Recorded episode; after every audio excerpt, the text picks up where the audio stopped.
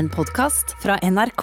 Agnete Huseby, også kjent som Agnetesh, har tidligere blitt kåret til både årets YouTuber og årets influenser i Norge. Og hun kan skilte med mer enn 30 millioner visninger på YouTube-kanalen sin. Huseby har skrevet bok og deltatt i mange realityserier, blant dem 16 ukers helvete, som fikk henne, fikk henne til å elske trening. Dette er Drivkraft med Vegard Larsen i NRK P2. Agnete Sofie Monadatter Husby, velkommen til Drivkraft. Tusen takk. Det er ikke så mange som bruker alle de navnene, egentlig. Det er greit, er det ikke? Jo da, altså jeg skammer meg ikke over det, men det er ikke, jeg har ikke det på Facebook eller andre plattformer. Heter moren din Mona? Yes, det gjør hun. Hun fant opp det navnet sjøl, faktisk. Er det sant? Ja.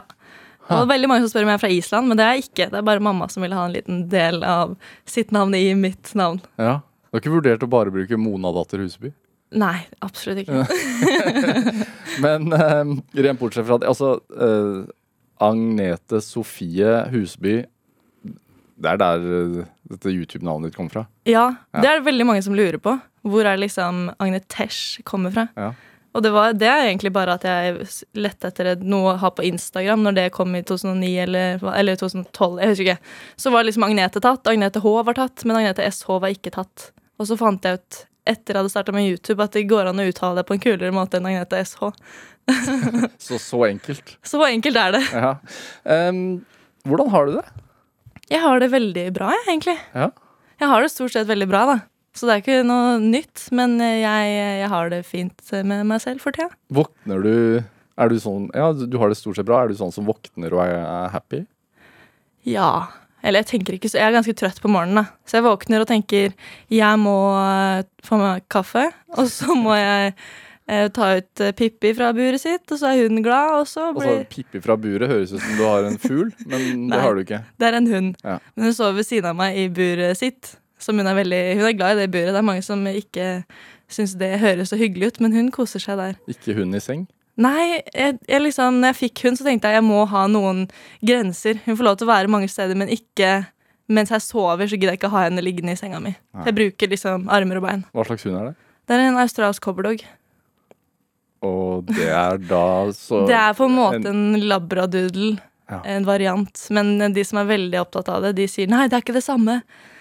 Eh, Ja, så det, Men jeg, jeg kan godta alt hva hun er. Hun er kjempefin. Hva er det? Hva er det beste med å ha hund? Det beste er eh, selskapet. Og jeg liker egentlig veldig godt å være for meg selv, eller være med meg selv. Men eh, jeg går rundt og prater med henne om ting så mye. Hun, hun skjønner ingenting av det. Som for eksempel? Som for eksempel at eh, Jeg vet ikke. Hvis jeg bryr meg om noe på TV, så spør jeg henne hva hun tenker, og så går jeg egentlig bare rundt og prater med henne om ting som eh, vanligvis jeg kunne prate med venner om. Ja. Hm. Koronahund? Ja, jeg fikk henne under korona. Jeg fikk henne helt i starten, så hun hjalp meg om å ikke gå på veggen Eller jeg gikk på veggen litt, eh, fordi jeg drev og lagde en TV2 Sumo, eller TV2 Play-serie, samtidig som korona slo ut. Hvilken var det? Eh, Det var Agnetesh hacker Idol, som var en side, et sideprogram fra Idol. Eh, Og da hadde vi laget første halve første, Halve første episode hadde vi laget før korona. Mhm. Og så dro jeg til Costa Rica på en liten ferie, og så kom jeg hjem 12. mars. Og så måtte jeg da i to ukers karantene fra den dagen. Og vi hadde bare Den skulle premiere liksom dag, nei, uka etter, så jeg måtte lage tre episoder hjemmefra. Ja. Så det var ganske heftige greier. Dette med hacking. Du har skrevet bok også om at du hacker voksenlivet. Ja. Hva er, det, hva, hva er dette her for noe? Nei, altså, det er jo egentlig litt sånn YouTube-greie. Det starta med at jeg bare eh, testa dumme life hacks, som er sånn internettfenomen om at eh, det fins løsninger på problemer eller ting eh, i hverdagen eller i livet som man kan gjøre på en bedre måte, eller på en morsommere måte. Som for eksempel? Eksempel å spise ostepop med gaffel er på en måte life hack, for da får du ikke de ostepopfingrene som man vanligvis ville fått. Så det er sånn, som er sånn klassisk life hack, på en måte. Og så starta det bare med at jeg lagde masse YouTube-videoer om det, og testa masse dumme ting som jeg fant på internett. Og så begynte jeg å tulle med at alt kan løses med gaffateip, så det liksom egentlig er hver eneste løsning jeg har noe med gaffateip å gjøre, så det ble en greie. Ja. Og etter hvert så fant jeg ut at jeg kan jo faktisk samle litt sånn hacks som funker, da. Eh, Og da lagde jeg den boken som het eh, at jeg hacka voksenlivet. da. Ja.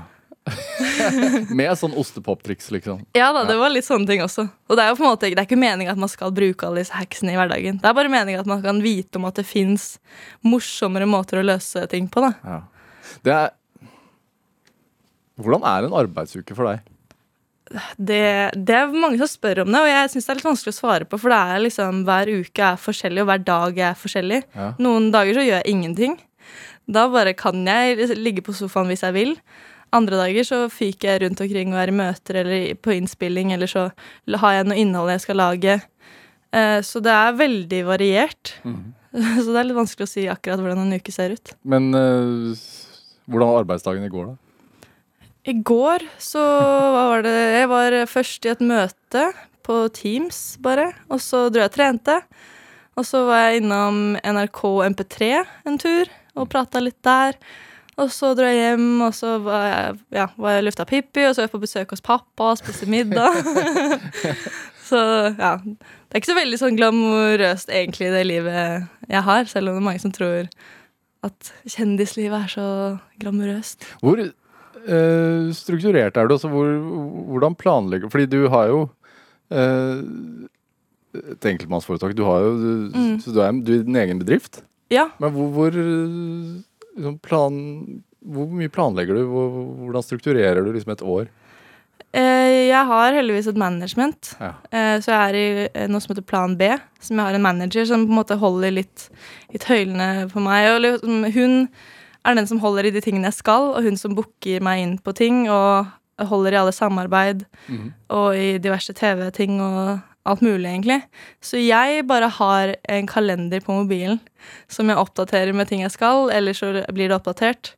Eh, Men jeg, egentlig så var jeg veldig lite strukturert. Men jeg føler at jeg har blitt det litt mer, særlig nå det siste året. Hvor jeg har fått inn trening. For det har liksom hjulpet meg å komme meg opp om morgenen og tenke at ok, så lenge jeg får trent, så eh, er på en måte dagen i gang. Og da får jeg på en måte gjort mer. Ja. Selv om jeg liksom bruker tid på det òg, da. Hvor tidlig om morgenen? For å er ikke veldig tidlig. jeg gidder ikke å stå opp. Eller av og til så står jeg opp sju, men det er bare hvis jeg, hvis jeg må noe annet. Ja. Så jeg pleier å stå opp sånn mellom åtte og ni, og så drar jeg og trener sånn mellom ni og ti, stort sett. Og så eh, kommer det an på hva jeg skal resten av dagen, da. Ja. Men jeg prøver å liksom Hva trener du? Jeg trener stort sett styrke på treningssenter. Eh, og også litt sånn intervaller eller sånn små eh, greier. Men jeg liker best styrke, da. Det syns jeg er det morsomste. Men hva, hva er det beste med det, da? Det beste med det er bare den følelsen Eller jeg har følelser som mestring med det, da. Som jeg aldri har gjort før. Jeg tror det er litt det som gjør det òg. At jeg har aldri vært noen som har trent før. Og jeg har på en måte aldri fått til noe sånn idretts veldig bra. Jeg, har liksom, har, jeg vet ikke om det har gjort eh, meg til at jeg ikke har turt å satse noe på noe, men jeg har liksom ikke funnet min greie, da. Mm. Og så ble jeg på en måte litt tvunget inn i det frivillig da, Mm. eh, når jeg var med på 16 ukers helvete. Og da bestemte jeg meg for at hvis jeg takker ja, så må jeg i hvert fall gå all in og prøve så godt jeg kan. Ja, for det var jo en gruppe eh, kjente nordmenn som var med i en TV-serie hvor målet var å eh, følge en treningsplan og kostholdsplan for å egentlig gå ned i vekt og bli sunnere. Mm. Ja, Ja. det var det. Og det var på en måte Jeg hadde akkurat vært på 71 grader nord-innspilling også. Det er en bra start, er det ikke? Det er en bra start. Eh, selv om jeg gjerne skulle vært i motsatt rekkefølge. Da hadde det gått litt bedre på 71. Da hadde du vunnet. ja, plutselig. Eh, nei, så da var jeg på en måte Da hadde jeg allerede kjent litt på kroppen at jeg klarte mer enn jeg trodde jeg kunne. Mm. eh, Som var en veldig god følelse. For jeg har liksom Ja, jeg har ikke hatt de følelsene med kroppen før, da. Hvordan var det før? Nei, før har jeg liksom bare godtatt at jeg er ikke en idrettsperson. Jeg er ikke noen som driver og trener. Jeg, synes, jeg er hun hyggelige jenta som folk kan relatere til og ligge på sofaen, og det er greit, og man kan se ut som man ser ut. Og det mener jeg fortsatt. da. Jeg står for egentlig alt det samme, men jeg har bare funnet glede i å være sunn da, også. Men så da eh, var det mye lettere for meg å takke ja til det programmet, for da var jeg på en måte litt i gang. Og så hadde jeg veldig lyst til å endre litt sånn hverdagen min. For jeg følte meg jo Man føler seg usunn, men så er det vanskelig å gjøre noe med det. Og så tenkte jeg jeg vil jo leve lenge, på en måte. Så jeg har lyst til å Jeg vet jeg må finne noen rutiner som funker. Og da var på en måte dette her programmet eh, Jeg vet at jeg presterer under eh, liksom press, og når folk ser på meg, og når TV er der, så tør jeg. Jeg syns det er for flaut å ikke i hvert fall prøve, da. Så da visste jeg at det her kan gjøre at jeg faktisk gjennomfører, da, og ikke bare sier at jeg skal det. Ja. Eh, så da eh, gikk jeg mange runder, og jeg var veldig redd for å eh, liksom endre den jeg var. Mm. Fordi Hvordan det var Nei, det er så mange som på en måte har fulgt meg, og som jeg også liker godt med det, at jeg er på en måte et litt en litt annen influenser enn ganske mange andre, da. Og sånn motvekt til mange andre som er veldig opptatt av kropp, eller liksom ser ut som man skal se ut ifølge liksom ja, hva man ser på TV, da. Eh, og jeg gjorde ikke det, og jeg gjør fortsatt på en måte ikke det, men jeg var veldig Jeg syns det var på en måte en fin ting, da. Og så var jeg litt redd for at nå tror folk at jeg ikke er fornøyd med meg selv, og derfor er ikke Eller jeg var bare så redd for å gi feil signaler da, til på en måte unge følgere som jeg har. Men så gikk jeg mange runder og tenkte at jeg skal jo bare begynne å trene og spise sunt, på en måte. Eller jeg Det er jo bare å ta litt grep eh, over mitt eget liv, da, som jeg hadde veldig lyst til. Du svikter ingen. Nei. jeg føler det sånn det er bedre å fremme at jeg har begynt å trene og liker det, Ja. enn at jeg skal operere meg, og at jeg skal fylle inn her og der. Og at det er liksom Sånn skal du bli sånn du har lyst til å være, liksom. Er, men er det noen av følgerne dine som har følt som et svik? Nei, det var det som var så bra, da. For Ja. jeg var veldig opptatt av det også underveis, at jeg skal ikke være hun som har fokus på vekt. Det er ikke mitt mål. liksom Jeg skal gå ned mest mulig vekt, og jeg skal se sånn og sånn ut. Eller jeg skal passe inn i alle disse fine klærne som alle de andre går med. Det var aldri noe fokus, og det var aldri meningen heller. Jeg ville liksom bli sunn, for det første. eh, Og jeg ville bli sterk. Og det var derfor jeg liksom også ble så glad i å trene, da, for jeg merka at jeg ble jo sterk. Mm. jeg ble sterkere og sterkere. Og det var mye mer motivasjon for meg å bare vite at det er jo Hvor mye skal til å trene for, Nei, å bli å, nei, for å begynne å få den følelsen? Jeg tror ikke det tok lenger enn to uker før jeg begynte å kjenne at det var liksom en liten fiskebolle som begynte å vokse i armen min. Så jeg var sånn herregud, den har ikke vært der før. Så da fikk jeg liksom wow, det her, nå begynner det å skje ting. Ja. Så det var ikke så lenge uti hvor jeg begynte å kjenne at uh, nå er det noe her inne som skjer. Det er jo en serie som uh, gikk for en stund siden. Ja. Uh, men på hvilken måte har den vært livsendrende? Altså sånn Nei, altså Man er jo på en måte 16 uker er jo 112 dager. Mm. Så du er på en måte i en, eh, et mindset, eller i en rutine, ganske lenge. Så den gjorde jo til at jeg fikk Jeg fikk jo mange av de tingene jeg gjorde der som vaner, da, som å dra og trene. Men jeg har ikke holdt på liksom det spisegreiene vi hadde der, selv om det er mye eh, på en måte mildere eller bedre enn det som det framsto som på TV. da. Som, det er det folk reagerer mest på. Eh, men eh, vi fikk mye mer enn det det syns Hm. av mat og sånn. Føler du Eh, at du måtte forsvare en del ting? I ettertid så Eller etter første episode så var det mange som reagerte. Som også ikke var forventet, eller ikke var uventa. Jeg var veldig klar for at folk kommer til å reagere. Eh, men så skjønte jeg at folk reagerer ikke på de tingene jeg trodde de skal reagere på. Det var liksom den matplanen at den liksom var helt forferdelig, og så tenkte jeg bare, men det, er jo ikke sånn, det var jo ikke sånn det var. så da jeg forsvarte litt programmet, selv om det ikke har noe med meg å gjøre. Jeg bare gjorde min jobb. Eh, men jeg personlig har egentlig ikke fått noe negativt i det hele tatt, omtrent. Jeg har bare fått positive ting. Og kjempemasse nye følgere i alle aldre. Gjerne litt eldre, som har begynt å følge meg, som sier at jeg, jeg har inspirert dem, og at jeg på en måte er der de er, da, eller var. Eller jeg var der de er, og de liksom har blitt inspirert til å, til å begynne å trene eller gjøre liksom Men hvordan har, hvordan har det påvirka innholdet du produserer? Ja, eh, altså jeg ble jo veldig glad i dette med å trene, så det ble på en måte en stor del av livet mitt, og hva jeg tenkte på, og hva jeg liksom likte å gjøre. Og så var det også samtidig, da hadde jeg drevet med YouTube, nå har jeg drevet med det liksom i sju og et halvt år, eh, begynte liksom å bli litt lei av mitt eget innhold, og grunnen til at jeg startet med YouTube var fordi jeg hadde lyst til å lage ting. Jeg ville bare lage ting. Og så etter hvert så kom korona, og man mister litt motivasjon til den der å lage ting, og man får ikke så mange impulser på hva har jeg lyst til å gjøre nå. Eh, så jeg tror det var liksom kombinasjonen at jeg lette litt etter noe nytt, kanskje. Mm. Eh, så jeg har merka, og det har bare blitt veldig naturlig, da, at jeg har glidd over litt mer til å lage litt mer treningsinnhold. Og dele litt mer av det. For det, før så delte jeg av livet mitt, men det var et annet liv, på en måte. Så nå er jo livet mitt på en måte mye mer eh, Ja, det er mye mer trening og sånn som er i det nå, da. Mm. Så jeg har på en måte bare tatt med følgerne mine på den reisen jeg har vært på. da. Mm. Og så er det sikkert noen som har falt av, men så er det mange andre som har kommet på. Så det har på en måte hele veien fra jeg starta, så har det jo vært følgere som har falt av, og folk som har kommet på, og så følger jo på en måte bare de min reise. Men er det YouTube har jo vært en, en kanal som du har brukt for å bygge opp din merkevare. Mm. Eh, er, står du ved et veiskille? Ja, jeg føler absolutt jeg står ved et veiskille. Og jeg, for jeg starta aldri med YouTube for å bli noe, på en måte. Jeg gjorde det bare fordi jeg hadde hatt lyst til å gjøre det lenge. Og bare det å lage innhold Det var ikke meninga at mange skulle se det i det hele tatt. Eh, Så når det først funka, så var jo det kjempegøy, og jeg liksom fikk veldig mye energi av det. Og så, men så har jeg også studert eh, TV-teknikk i Lillehammer, så jeg har på en måte alltid vært glad i å lage ting og være liksom foran kamera og hele det derre TV-aspektet av det. Så når jeg på en måte har fått mer mulighet til å gjøre sånne type ting, og litt større produksjoner, og lage ting som krever lengre tid og lengre planlegging og sånn, så syns jeg at den delen av det er veldig spennende. Og den der kortformatsgreia som er på YouTube, men samtidig som tar mye tid, da. Men det er på en måte såpass lang tid at det ikke er liksom TikTok, for det jo, krever jo veldig lite. Men det er Det kan lages på en dag, men det krever jo også på en måte at du legger inn mye energi en hel dag. Eh, Så jeg vet ikke, jeg bare merka at det ga meg ikke så mye lenger. Og da tenkte jeg hvorfor skal jeg bare holde, tviholde på det bare fordi, bare fordi folk eh, vil det? Jeg vil jo på en måte ville det selv. Og jeg føler ikke at jeg lager like bra innhold hvis jeg ikke egentlig vil det selv heller.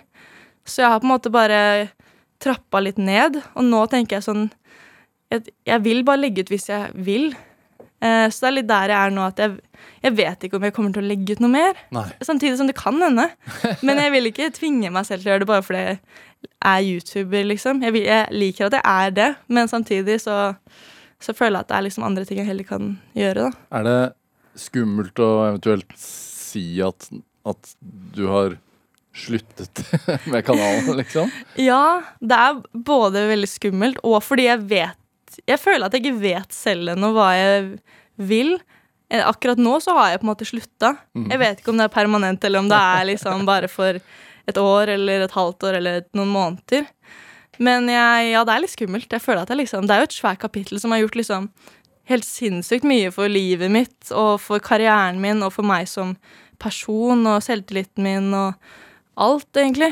Så det er derfor det er litt ekstra vanskelig. Hva med de 128 000 eh, abonnentene, da? Ja, eh, det er jo Jeg er jo veldig stolt av det, da. Ja. Så det på en måte fjerner ikke Altså, jeg vet at jeg har liksom jobba for det, og jeg føler at det er veldig kult. Men samtidig, de er jo på andre plattformer òg, og de kan følge med andre steder. Jeg er jo på en måte ikke borte fra verden allikevel. Så jeg føler Jeg føler litt sånn at det er mange som spør om jeg snart kan legge ut noe mer. Men samtidig så er jeg sånn Men jeg må jo følge litt meg selv, og ikke bare hva folk ønsker av meg, på en måte. Dette er Drivkraft med Vegard Larsen i NRK P2. Og i dag er uh, influenser Agnete Husby eh, her hos meg i Drivkraft på NRK P2. Kalt deg influenser jeg nå. Siden du har nærmest uh, erklært at YouTube er et tilbakelagt kapittel. Jeg kan ikke si det. Ja, jeg liker jo egentlig bedre å bli kalt YouTuber enn influenser, men det er jo bare fordi det er litt sånn Det er så mange som går under den paraplyen influenser. Men det er jo det jeg er, på en måte. Er ikke det, har ikke det blitt en liksom yrkestittel nå? Jo, det har vel det, men det er på en måte så Det rommer så mange ulike grener da, av folk og hva de driver med. Ja. Men, derfor- men altså, så, fordi du lever jo delvis i hvert fall av å da Instagram og å være med på reality-programmer. Mm. Hva skal man Er ikke, er ikke det en influenser? Jo, det er jo det. Ja, det er fall, jeg vet at jeg er det. Jeg bare, jeg syns det Jeg kvier meg litt for å si at det er det jeg er. Så det er derfor jeg liker jo bedre å si ja, men jeg er YouTuber. Jeg lager innhold. Eh, Men jeg gjør jo på en måte det bare ikke på YouTube, så jeg er jo influenser. Hvis man skrur eh, klokka tilbake til da du var eh, 18 år, da. Mm. før du hadde posta din første video. Ja. Hvem var du da? Jeg var i ferd med å finne meg selv litt. Da gikk jeg på videregående. Og jeg hadde, funnet, eller jeg hadde starta på medier og kommunikasjon, som var liksom første steg inn mot hvem jeg er. da. Hvor i landet er vi? Eh, Vi er på Lørenskog. Bodde på Fjellhamar. Ja. Eh, og da liksom begynte jeg å finne liksom de folkene som interesserte seg litt for det samme som meg. Og så da ble jeg litt trygg i meg selv, og eh, jeg var veldig sjenert egentlig hele barneskolen og ungdomsskolen. Og sånn jeg sleit litt med å finne hvem er det jeg er, egentlig. Og så fant jeg da ut at jeg liker å eh, filme og klippe og redigere og sånne ting. Så da fant jeg ut at det var veldig riktig for meg å være på medier og kommunikasjon. Og så fant jeg de folka som også likte det samme. Og da turte jeg litt som å by litt mer på meg selv og finne sånn, ja, herregud, det her passer jeg inn, ja. Og så så jeg veldig mye på YouTube, da. Hvem var eh, påvirkerne du så opp til? Jeg så bare på liksom engelske og amerikanske youtubere. Ja, Som for eksempel? Som for eksempel, Det er ikke så mange av de som driver på lenger. Det har liksom blitt et ganske sånn skifte i hvem som er der. Men da var det Jacks Gap og Joey Garceffa. Det var liksom Hva slags video var det? Det var stort sett bare liksom underholdning og humor. Og youtubere som lagde innhold med hverandre. Veldig sånn vennegjeng eh, på YouTube, da. Og jeg, jeg liksom tenkte at ah, når jeg blir stor, så skal jeg flytte til USA, og så skal jeg lære meg ordentlig engelsk, og så skal jeg starte med YouTube. Det var planen min. I det, den rekkefølgen? I den rekkefølgen, for jeg tenkte at jeg, Det fins jo ikke YouTube på norsk, det visste ikke jeg at fantes. Så jeg tenkte jeg må jo snakke på engelsk, men jeg er ikke god nok til å liksom kunne gjøre det, følte jeg. Så da må jeg flytte til USA og bare lære meg det ordentlig. Kanskje jeg skal studere mens jeg, mens jeg lærer meg engelsk ordentlig. Så det var egentlig planen. Mm. Og så eh, en eller annen eh, merkelig grunn så fant jeg ut at det var jo folk som drev med det på norsk. Og det var bare sånn der plutselig en dag så fant jeg ut av det, og da liksom åpnet en helt ny verden seg. Mm. Og da ble den drømmen om å lage YouTube-videoer mye kortere vei til det, da. Men samtidig så var jeg ikke Jeg hadde ikke funnet helt meg selv, og jeg var Altså, Lørenskog er Jeg vet ikke hva det er nå, men da var det veldig sånn Du skal ikke skille deg for mye ut. Det er i hvert fall sånn jeg følte det. Skal man aldri når man er ung? Nei, det er det. Og det var liksom særlig hvis du skal liksom legge ut ting om deg selv på nett, og skal, hvem er det du tror du er? Det er litt sånn, da. Mm. Eller det var litt sånn. Eh, så jeg var veldig redd for å eh, starte mens jeg gikk på skolen, så da holdt jeg på en måte bare på den drømmen fram til jeg var ferdig på videregående. Hæ. Og så Ventet? Jeg ventet i hvert fall et år etter at jeg hadde funnet ut at jeg skulle drive med det på norsk. da. Ja. Så ventet jeg et år, og så starta jeg i sommerferien etter jeg var ferdig på videregående. Og så sa jeg det ikke til noen, da. Det holdt jeg hemmelig. Og jeg la det ut på en sånn Facebook-gruppe, sånn norske youtubere. Og da visste jeg, da sjekka jeg gjennom hvem som var der, at det var ingen jeg kjente som var der. Sånn at jeg kunne spre det til noen som drev med det samme, men som ikke var noen jeg kjente. Hva var det første du la, la ut? første jeg la ut, var seks ting jeg ikke liker med Syden. så det var sånn type innhold det var i starten. Men det var det, sånn innhold jeg hadde lyst til å lage. da Mm. Så jeg satt inne med veldig mange videoer jeg hadde lyst til å lage, så jeg bare tenkte jeg må bare gjøre det. Fikk du umiddelbar tilbakemelding?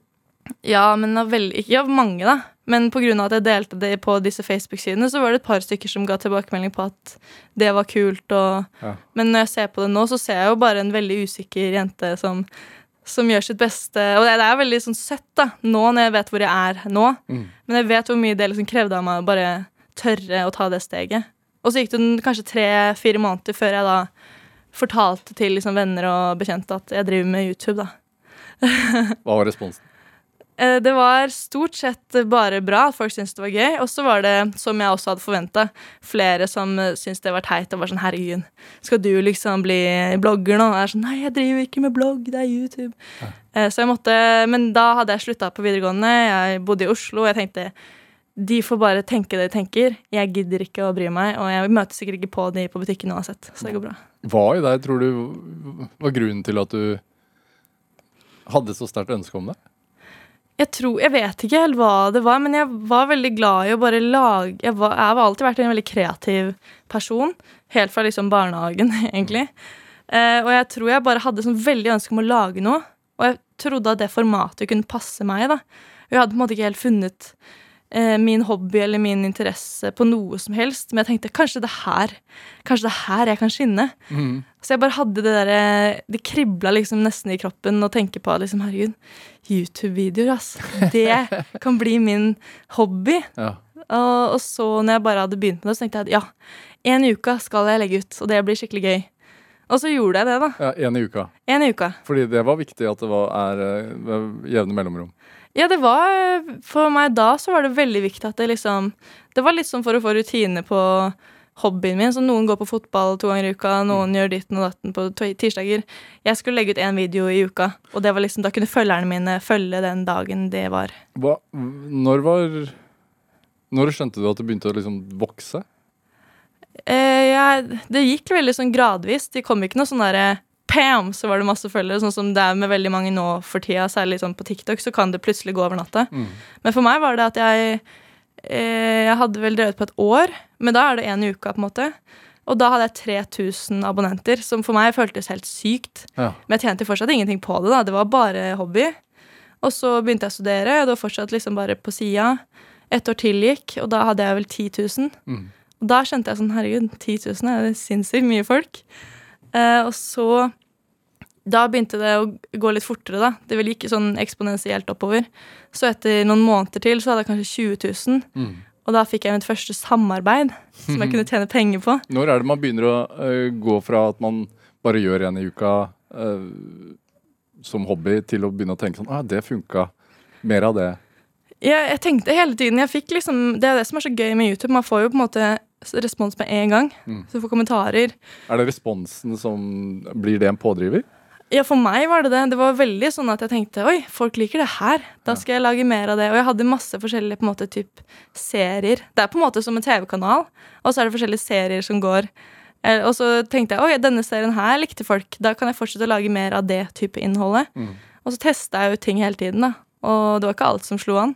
Men eh, jeg syns jo det var også litt gøy, da, å teste ting.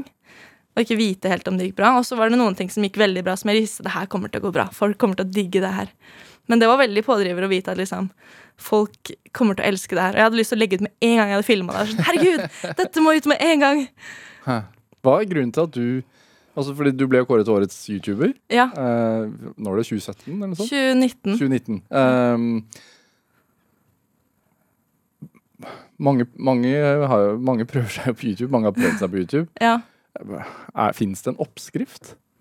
Jeg tror det som mange i hvert fall gjør feil, kanskje. Det er jo lettere å se på hva som for folk som funker. Jeg har jo veldig masse venner som driver med YouTube, Mm. og fellesnevneren er at alle har starta fordi de bare genuint har lyst til å drive med YouTube. Mm. Ikke fordi de har lyst til å bli kjente, eller fordi, det er det veldig mange som starter med fordi de har så lyst til å være YouTuber med masse følgere. Eller de har lyst til å bli kjent, eller altså Men de har egentlig ikke noe brennende liksom, lidenskap for YouTube, da, og det å lage innhold. Og det krever jo sitt, og særlig det å redigere tar jo masse tid. Mm. Så hvis du ikke liker det, så er det på en måte Det er mange som på en måte har prøvd å starte, men så skjønner at det krever ganske mye tid, da. Og også liksom at du må holde ut en god stund før det faktisk funker, da. Hvor mange følgere må, eller mange abonnenter må man ha før man kan liksom leve av det? Jeg tror jeg slutta Jeg, jeg jobba på Egon da jeg Mhm. studerte i Lillehammer. Eh, som sommerjobb for å liksom dekke levekostnadene, egentlig. Mm. Og så, Jeg drev med YouTube samtidig, men eh, jeg hadde kanskje fått 30 000 abonnenter. Og da begynte jeg å få et par samarbeid som gjorde at jeg kunne slutte på jobben på Egon. da. Det var ikke snakk om veldig mye. Jeg kunne ikke leve. Jeg fikk jo studielån i tillegg. Mm. Eh, så da kunne jeg i hvert fall slutte med den eh, deltidsjobben jeg hadde. Og så det, Jeg vet ikke, jeg tror kanskje ikke det er noen begrensning på liksom, antall abonnenter. Det er bare hvilke måte, folk du jobber med, da, altså samarbeider med, eller hvor, eh, hva mye de krever, eller Mm. Jeg tror det er litt annerledes nå enn det det var før Eller før i tida, holdt jeg på å si, da jeg starta, da. Er det det derre Det at du sier at du forsto hva som hva, hva skal man si, hva publikum ville ha, Ja. eh, og at du produserte videoer deretter. Ja. Er det det jaget du er litt sånn lei? At du Ja, eller jeg har på en måte Jeg føler at jeg har kombinert både det jeg vil, Mm. og det jeg ville sett, og hva jeg tror folk ville sett. Og nå har jeg bare på en måte ikke noe Jeg føler at jeg mista litt det. At jeg vet ikke hva jeg ville sett. Eller hva, og så sier ikke folk spesifikt 'jeg vil ha det', kan du gjøre det? De vil gjerne ha noe av de gamle greiene jeg lagde, men jeg er på en måte ikke på det stadiet lenger. Mm. Jeg har liksom vokst litt fra mye av det jeg lagde. Som å bade i ostepop eller gjøre sånne ting som egentlig var veldig morsomt da, og som fikk masse seere. Mange unge seere. Ja, veldig mange unge. Og jeg, men jeg får på en måte ikke samme Jeg har ikke lyst til å lage sånn innhold lenger. så det er Jeg vet ikke. Det er litt det også som gjør at jeg bare Det innholdet som folk på YouTube kanskje vil ha, er ikke det jeg har lyst til å lage. Nei. Så derfor på en måte er det bedre å gå videre til andre steder. Da. Ja. Vet, blitt over 25, vet du. Da begynner sånn voksen, voksenkrisa melder melde seg. Ja, det gjør det. altså så har man liksom lagd så mye rart at man Hva er det rareste du har lagd? Altså, jeg, jeg dro på ferie alene til Gran Canaria. Bare fordi jeg skulle ha et hotellrom med badekar, sånn at jeg kunne bade i Orbeez. Som er sånne små eh, gelékuler som jeg hadde med meg dit. Så jeg dro dit alene for å gjøre det. Så det var litt sånn dustete, men samtidig, det syns jeg var liksom Det var veldig viktig.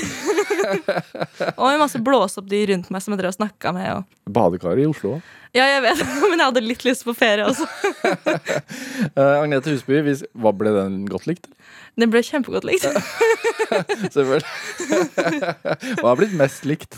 Uh, Jeg har lagd mye sånne diss tracks, da. Ja, Hvor du rapper? Hvor jeg rapper, Mm. og særlig at jeg liksom rapper om meg selv, eller Jeg har jo liksom alltid hatt et sånn humoristisk eh, syn på ting, da, og i livet generelt, men særlig også på YouTube. Det skal være gøy, liksom. Eh, Så det har på en måte vært eh, Jeg har syntes det har vært veldig gøy å lage. Eh, altså disse rappene. Og folk har så digga det, liksom. Har dessverre ikke den til å spille her. Vi skal høre Nei. på noe annen musikk. Eh, Ja, Du har med deg en Astrid S-låt. ja eller Eller egentlig egentlig en Cezinando-låt. Egentlig en Cezinando-låt. Ja. Ja. fordi jeg er en sånn som alltid har vært veldig bevisst på at Det høres veldig mørkt ut. Jeg er egentlig en veldig liksom, lystig person, men at jeg, liksom, jeg kan dø når som helst. Mm. Eh, og derfor sier jeg alltid til mamma når jeg finner liksom, en låt bare sånn, Den der skal spilles i begravelsen min. Og det her er en sånn låt som jeg har sagt liksom, til henne sikkert 20 ganger. Bare sånn, Mamma, husk at det er den her som skal spilles i begravelsen min.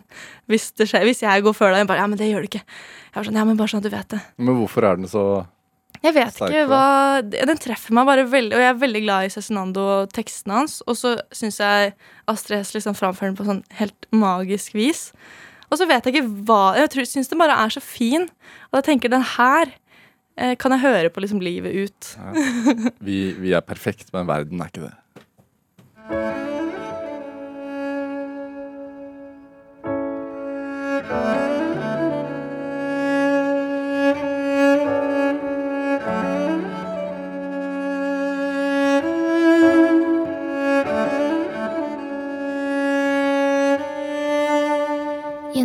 Helt gærne, gutter er klin kokos. Alminneligheten tok oss, så lite håp noen gang har hjulpet noen. Og verden har ikke noen penger på oss, jeg blir sjalu, og verden blir ikke det. Men verden er full av blikkene, alle prøver å kvittes, men finnes ingen logikk i det. Alle bare skuespillere, og ingen husker replikkene. Og vi kan kysse flere, hva som helst, bare ikke det.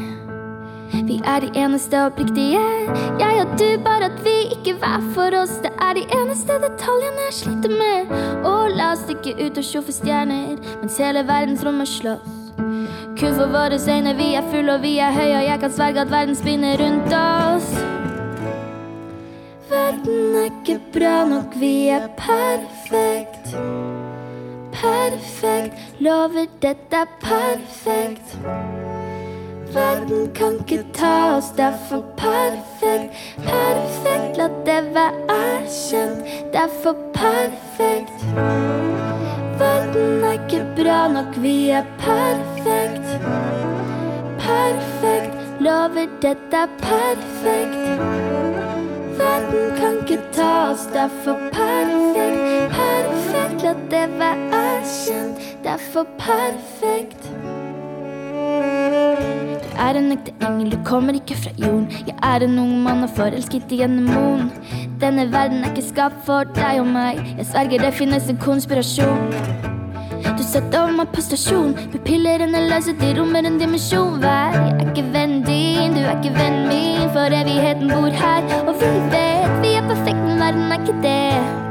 Øynene blankere enn arkene som de egentlig så ut for alle slagene og sparkene. Jeg er bare en gutt alene med alle tankene som har. Vi er perfekte, men verden er ikke det. Asjetter til elefantene sier vi samme tinga helt til vi begge er vant til det. Blir det til slutt noe sant i det? Verden er ikke bra nok, vi er perfekt. Perfekt, lover dette er perfekt. Verden kan ikke ta oss, det er perfekt. Perfekt, la det være erkjent. Det er for perfekt. Verden kan ikke ta oss, det er perfekt. perfekt. Lover dette er perfekt. Verden kan ikke ta oss, det er for perfekt. Perfekt, la det være kjent. Det er for perfekt. Ja, du fikk uh, Cezinandos eh, 'Vi er ikke perfekt, men verden er ikke det', her fremført av Astrid S eh, her i Drivkraft på NRK P2, valgt av dagens gjest her i Drivkraft, nemlig influenser Agnete Husby. Den låta handler litt om å finne styrke i noe, egentlig. Ja. Hvor finner du styrke? Jeg føler at jeg finner styrke mange steder. Og det er litt sånn Jeg føler at det har endra seg også, hvor jeg på en måte får styrke fra. Men nå føler jeg at det, jeg er veldig opptatt av å gjøre ting jeg blir liksom glad av og blir lykkelig av. Og jeg tenker særlig også på grunn av den låta at jeg liksom har litt sånn realistisk forhold til døden, holdt jeg på å si. At jeg vil gjerne leve eh, lykkelig mens jeg, mens jeg er her, for man vet jo på en måte aldri. Hva har fått deg til å tenke de tankene? Jeg tror jeg starta å tenke de tankene da jeg var ti år, fordi da fikk mamma kreft. Mm. Eh, så da fikk jeg litt sånn reality check på at eh, døden fins. Ikke at Det gikk veldig bra med henne, da. Mm. Men da liksom var jeg Jeg vet ikke, jeg var på et helt Jeg har aldri vært på det stedet før. Eller jeg hadde ikke det, og jeg har egentlig ikke det etterpå. Husker du når hun fortalte det? Jeg husker det veldig godt. Fordi jeg Det er egentlig rart, for jeg Vi har alltid hatt et veldig nært forhold. Eh, Bortsett fra da jeg var ungdom. Det teller ikke. Eh, For da var jeg fjortis. Eh, Men eh, vi lå og så på en film på sofaen, og så lente jeg meg inntil henne, og så fikk hun veldig vondt i brystet. Mm. Så da skulle hun gå og sjekke det, da. Og jeg visste jo ikke på en måte at det kunne være så veldig alvorlig. Men så husker jeg at hun henta meg tidlig på SFO da jeg gikk i fjerde klasse. Og så skjønte jeg at da hun hadde fått svar, liksom. Mm. Eh, og da skjønte jeg at det var ikke bra, eh, det. Men jeg tenkte også, eller fordi hun var veldig sånn der, men det er tidlig, så det kommer til å gå fint. Og det er fordi du hjalp meg å oppdage det, så da var jeg sånn, herregud, jeg, jeg redda deg. så jeg fikk litt den følelsen, eller jeg hadde den tanken hele tiden, at jeg, det var jeg som liksom redda henne. Mm. Eh, men det var veldig tungt. Jeg husker at det, på en måte, jeg følte meg veldig alene. Fordi hun var på sykehus og skulle ha stråling. Jeg var mye med på det, men hun var også veldig sliten. Og når hun liksom eh, skulle opereres og sånn, og så samtidig da hadde eh, faren min akkurat fått seg ny kjæreste, og de skulle gifte seg, så de var på en måte litt eh, i sin egen verden. Mm. Og jeg på en måte fikk ikke helt det jeg trengte derfra. Og derfor jeg liksom hadde så behov for å snakke med noen. Og mamma var veldig flink, men hun kunne jo på en måte ikke alltid, for hun var jo veldig sliten. Mm. Så da gikk jeg og snakka masse med helsesøster. Sånn en gang annenhver uke. Så hadde jeg samtale med henne, som jeg tror hjalp veldig. Og også læreren min på barneskolen visste om det, så jeg fikk liksom veldig mye omsorg rundt meg, da, men jeg, jeg kjente liksom at herregud, jeg kan Det kan skje ting, ass. Du er altså Du var bare ti år, men Ja. så man er jo et barn. Ja. Men hvor mye, hvor mye forstår man av alvoret? Jeg føler at jeg forsto Det er lett å tenke nå i ettertid at jeg forsto det, men mamma var veldig liksom på at vi, skal, vi kan snakke om at det, er, det, det kan hende, liksom. Mm. At jeg ikke er her alltid. Og jeg føler at vi hadde veldig masse fine samtaler om det. Og vi har vært veldig liksom åpne om Og ingen av oss er noe religiøse. Så vi, liksom, døden fins, og den er der, liksom. Så vi har snakka mye om det, og særlig liksom fra tidlig alder, siden vi ble på en måte møtt med det også fra tidlig alder. Og så var vi på sånn eh, Montebello-senter, eller det var noe sånn Mont Jeg husker ikke hva det var, men hvor familier med kreftsyke foreldre gjerne møttes. Mm. Og der møtte jeg flere på min alder som var unge, som hadde kreftsyke foreldre, og flere av de eh, mista jo foreldrene sine fordi det, de var sykere enn det mamma var. da. Så da også fikk jeg liksom Ok, herregud, det, det kunne skjedd med meg òg. Eh, så jeg vet ikke. Jeg tror jeg bare fikk en sånn eh, veldig oppvekker med at livet er veldig skjørt, og jeg må liksom virkelig være glad i de folka er rundt meg. Mm. Og også liksom kreft kan jo være arvelig. Eh, som, vi fikk, eh, som jeg liksom visste at det kan det jo være. Så jeg skal i hvert fall leve mens jeg kan, for plutselig får jeg det òg, liksom. Ja. Så du har det i bakhodet på et vis? Ja, jeg føler at jeg, og særlig kanskje nå i eldre alder, at jeg funnet det litt fram igjen. Jeg tror det gir meg veldig drivkraft, faktisk. At jeg tenker at jeg må leve mens jeg kan. Og også at jeg driver og sier ja, den må du spille i begravelsen min. Sånn at jeg er sikker på at hvis jeg går tidligere enn eh, jeg vil, Ja. så skal jeg i hvert fall ikke ha liksom Eric Clapton og eh, Tears in Heaven og Gabriellas sang, men jeg vil heller ha liksom de sangene som betyr noe for meg. da. Det, gir det ekstra gass innenfor liksom, treningen også? Ja, altså jeg har jo ja, Da jeg var på 16 ukers helvete, så tok vi noen eh, blodprøver. Og jeg fikk vite at de egentlig så fine ut fra før av. Eh, men da sa, sa jeg at min, noen av mine bekymringer i livet Eller ikke egentlig bekymringer, men tanker er at jeg har bare forsont meg med tanken at jeg kommer sikkert til å få kreft en gang. Eh, men det går fint. Jeg kommer sikkert til å overleve det, men jeg, jeg bare tenker at det kommer til å skje. Og da fortalte Kaveh Rashidi, da, som var legen, at du vet at trening og de tingene, det hjelper faktisk på eh, Altså minsker sjansene for kreft også. Så da fikk jeg jo en Det var jeg ikke klar over, egentlig. Jeg trodde ikke det hadde noe med det å gjøre. Eh, så da ble jeg jo enda mer motivert til å bare ta ordentlig grep da, om eh, helsa, og særlig fordi jeg er jo fortsatt ung. Jeg vil jo gjerne leve lenge, og hvis jeg kan motvirke på en måte kreft eller andre sykdommer ved å trene og være sunn, så er det veldig motiverende, da. Og så fikk jeg også vite da på de nye blodprøvene vi tok, altså fire måneder senere, at eh, nå var jeg jo superfrisk. så det var også veldig sånn kult å se hvordan bare liksom egentlig noen små grep som å trene og gå tur en gang om dagen eh, gjorde så mye, da. Så det er derfor jeg på en måte også holdt veldig på det, for jeg vet hvor mye det hadde å si bare på de, eller, altså de 16 ukene jeg hadde da, og hvor liksom hvor langt livet kan bli hvis jeg bare holder noe av det ved like. da. Hvor lenge var hun syk? Eh, mamma var syk Åh, jeg vet ikke. Jeg har lyst til å si et år, sånn ordentlig. Hun var på noe sånn rehabilitering og sånn etterpå. Og så har hun hatt litt sånn ettervirkninger, sånn ME og litt sånn etterpå. Så det har på en måte vært litt etterdønninger, da, på en måte. Men heldigvis har hun ikke fått noe tilbake. Men hver gang hun er på sykehus og tester ting, så er jeg alltid litt redd for at å nei, nå har hun fått det tilbake. Eh, men heldigvis så har det gått bra enn så lenge. Tror du at øh, du ble voksen fortere på et vis? Jeg tror absolutt jeg ble voksen fortere. Og også fordi jeg liksom Jeg ble også nødt til å Altså, jeg har øh, vært nødt til å stå opp for meg selv når det kommer til å fortelle liksom pappa at jeg ikke fikk det jeg trengte fra han. Eh, og det har jeg på en måte øvd veldig på eh, med mamma. Eller jeg har liksom øvd å stå for meg selv, da, for jeg var veldig sjenert og veldig introvert. Og det er jeg på en måte fortsatt, men jeg tør å liksom være meg selv allikevel. Uh, men jeg har liksom måttet øvet veldig på det, da, å stå for meg selv. Uh, og det tror jeg har gjort at jeg har blitt mye som på en måte sterkere og Ja, jeg vet ikke. Jeg tror jeg ble voksen fort.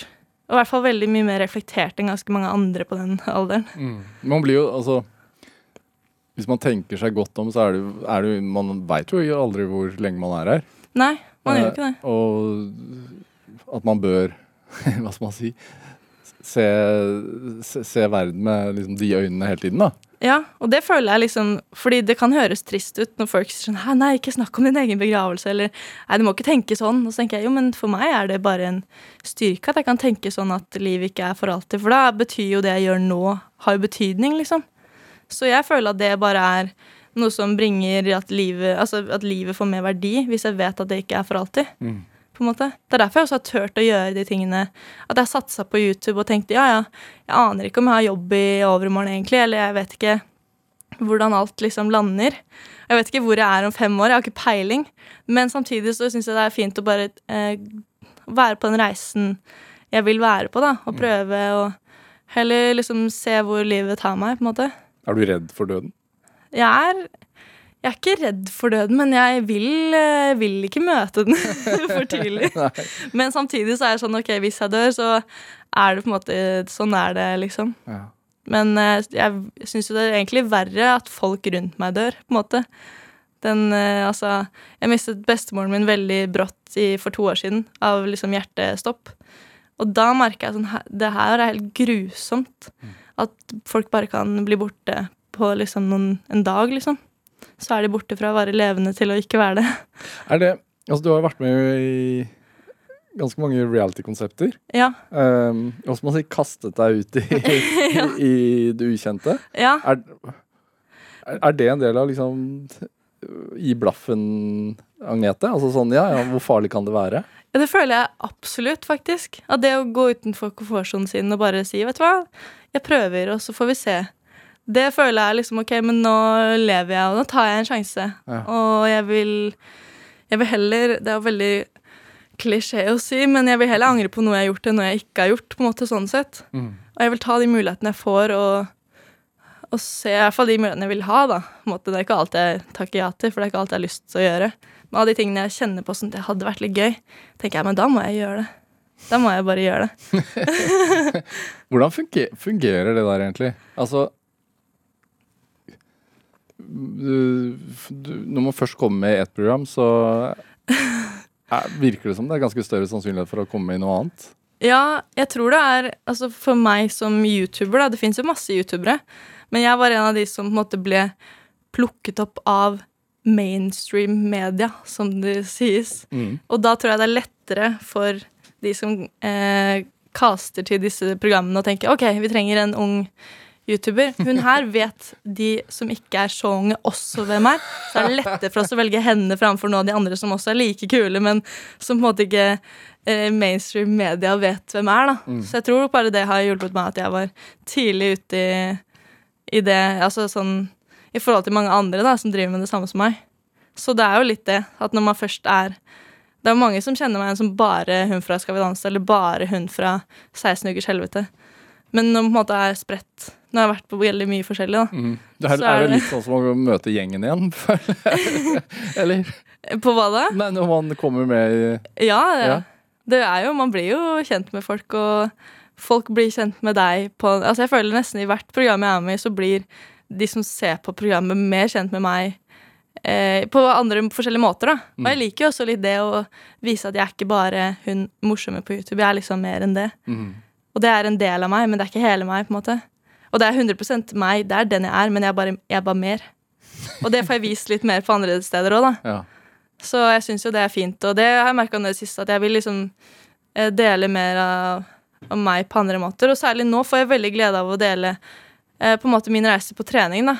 For jeg vet at det er mange som på en måte er i den situasjonen at de Gjerne skulle det. gjerne skulle ha gjort det, men de på en måte vet ikke hvor de skal starte. Og det er nok av treningsinfluensere, på en måte. Men det er gjerne folk som har vært PT-er hele livet, eller som har vært trent hele livet, som alltid liksom likt det.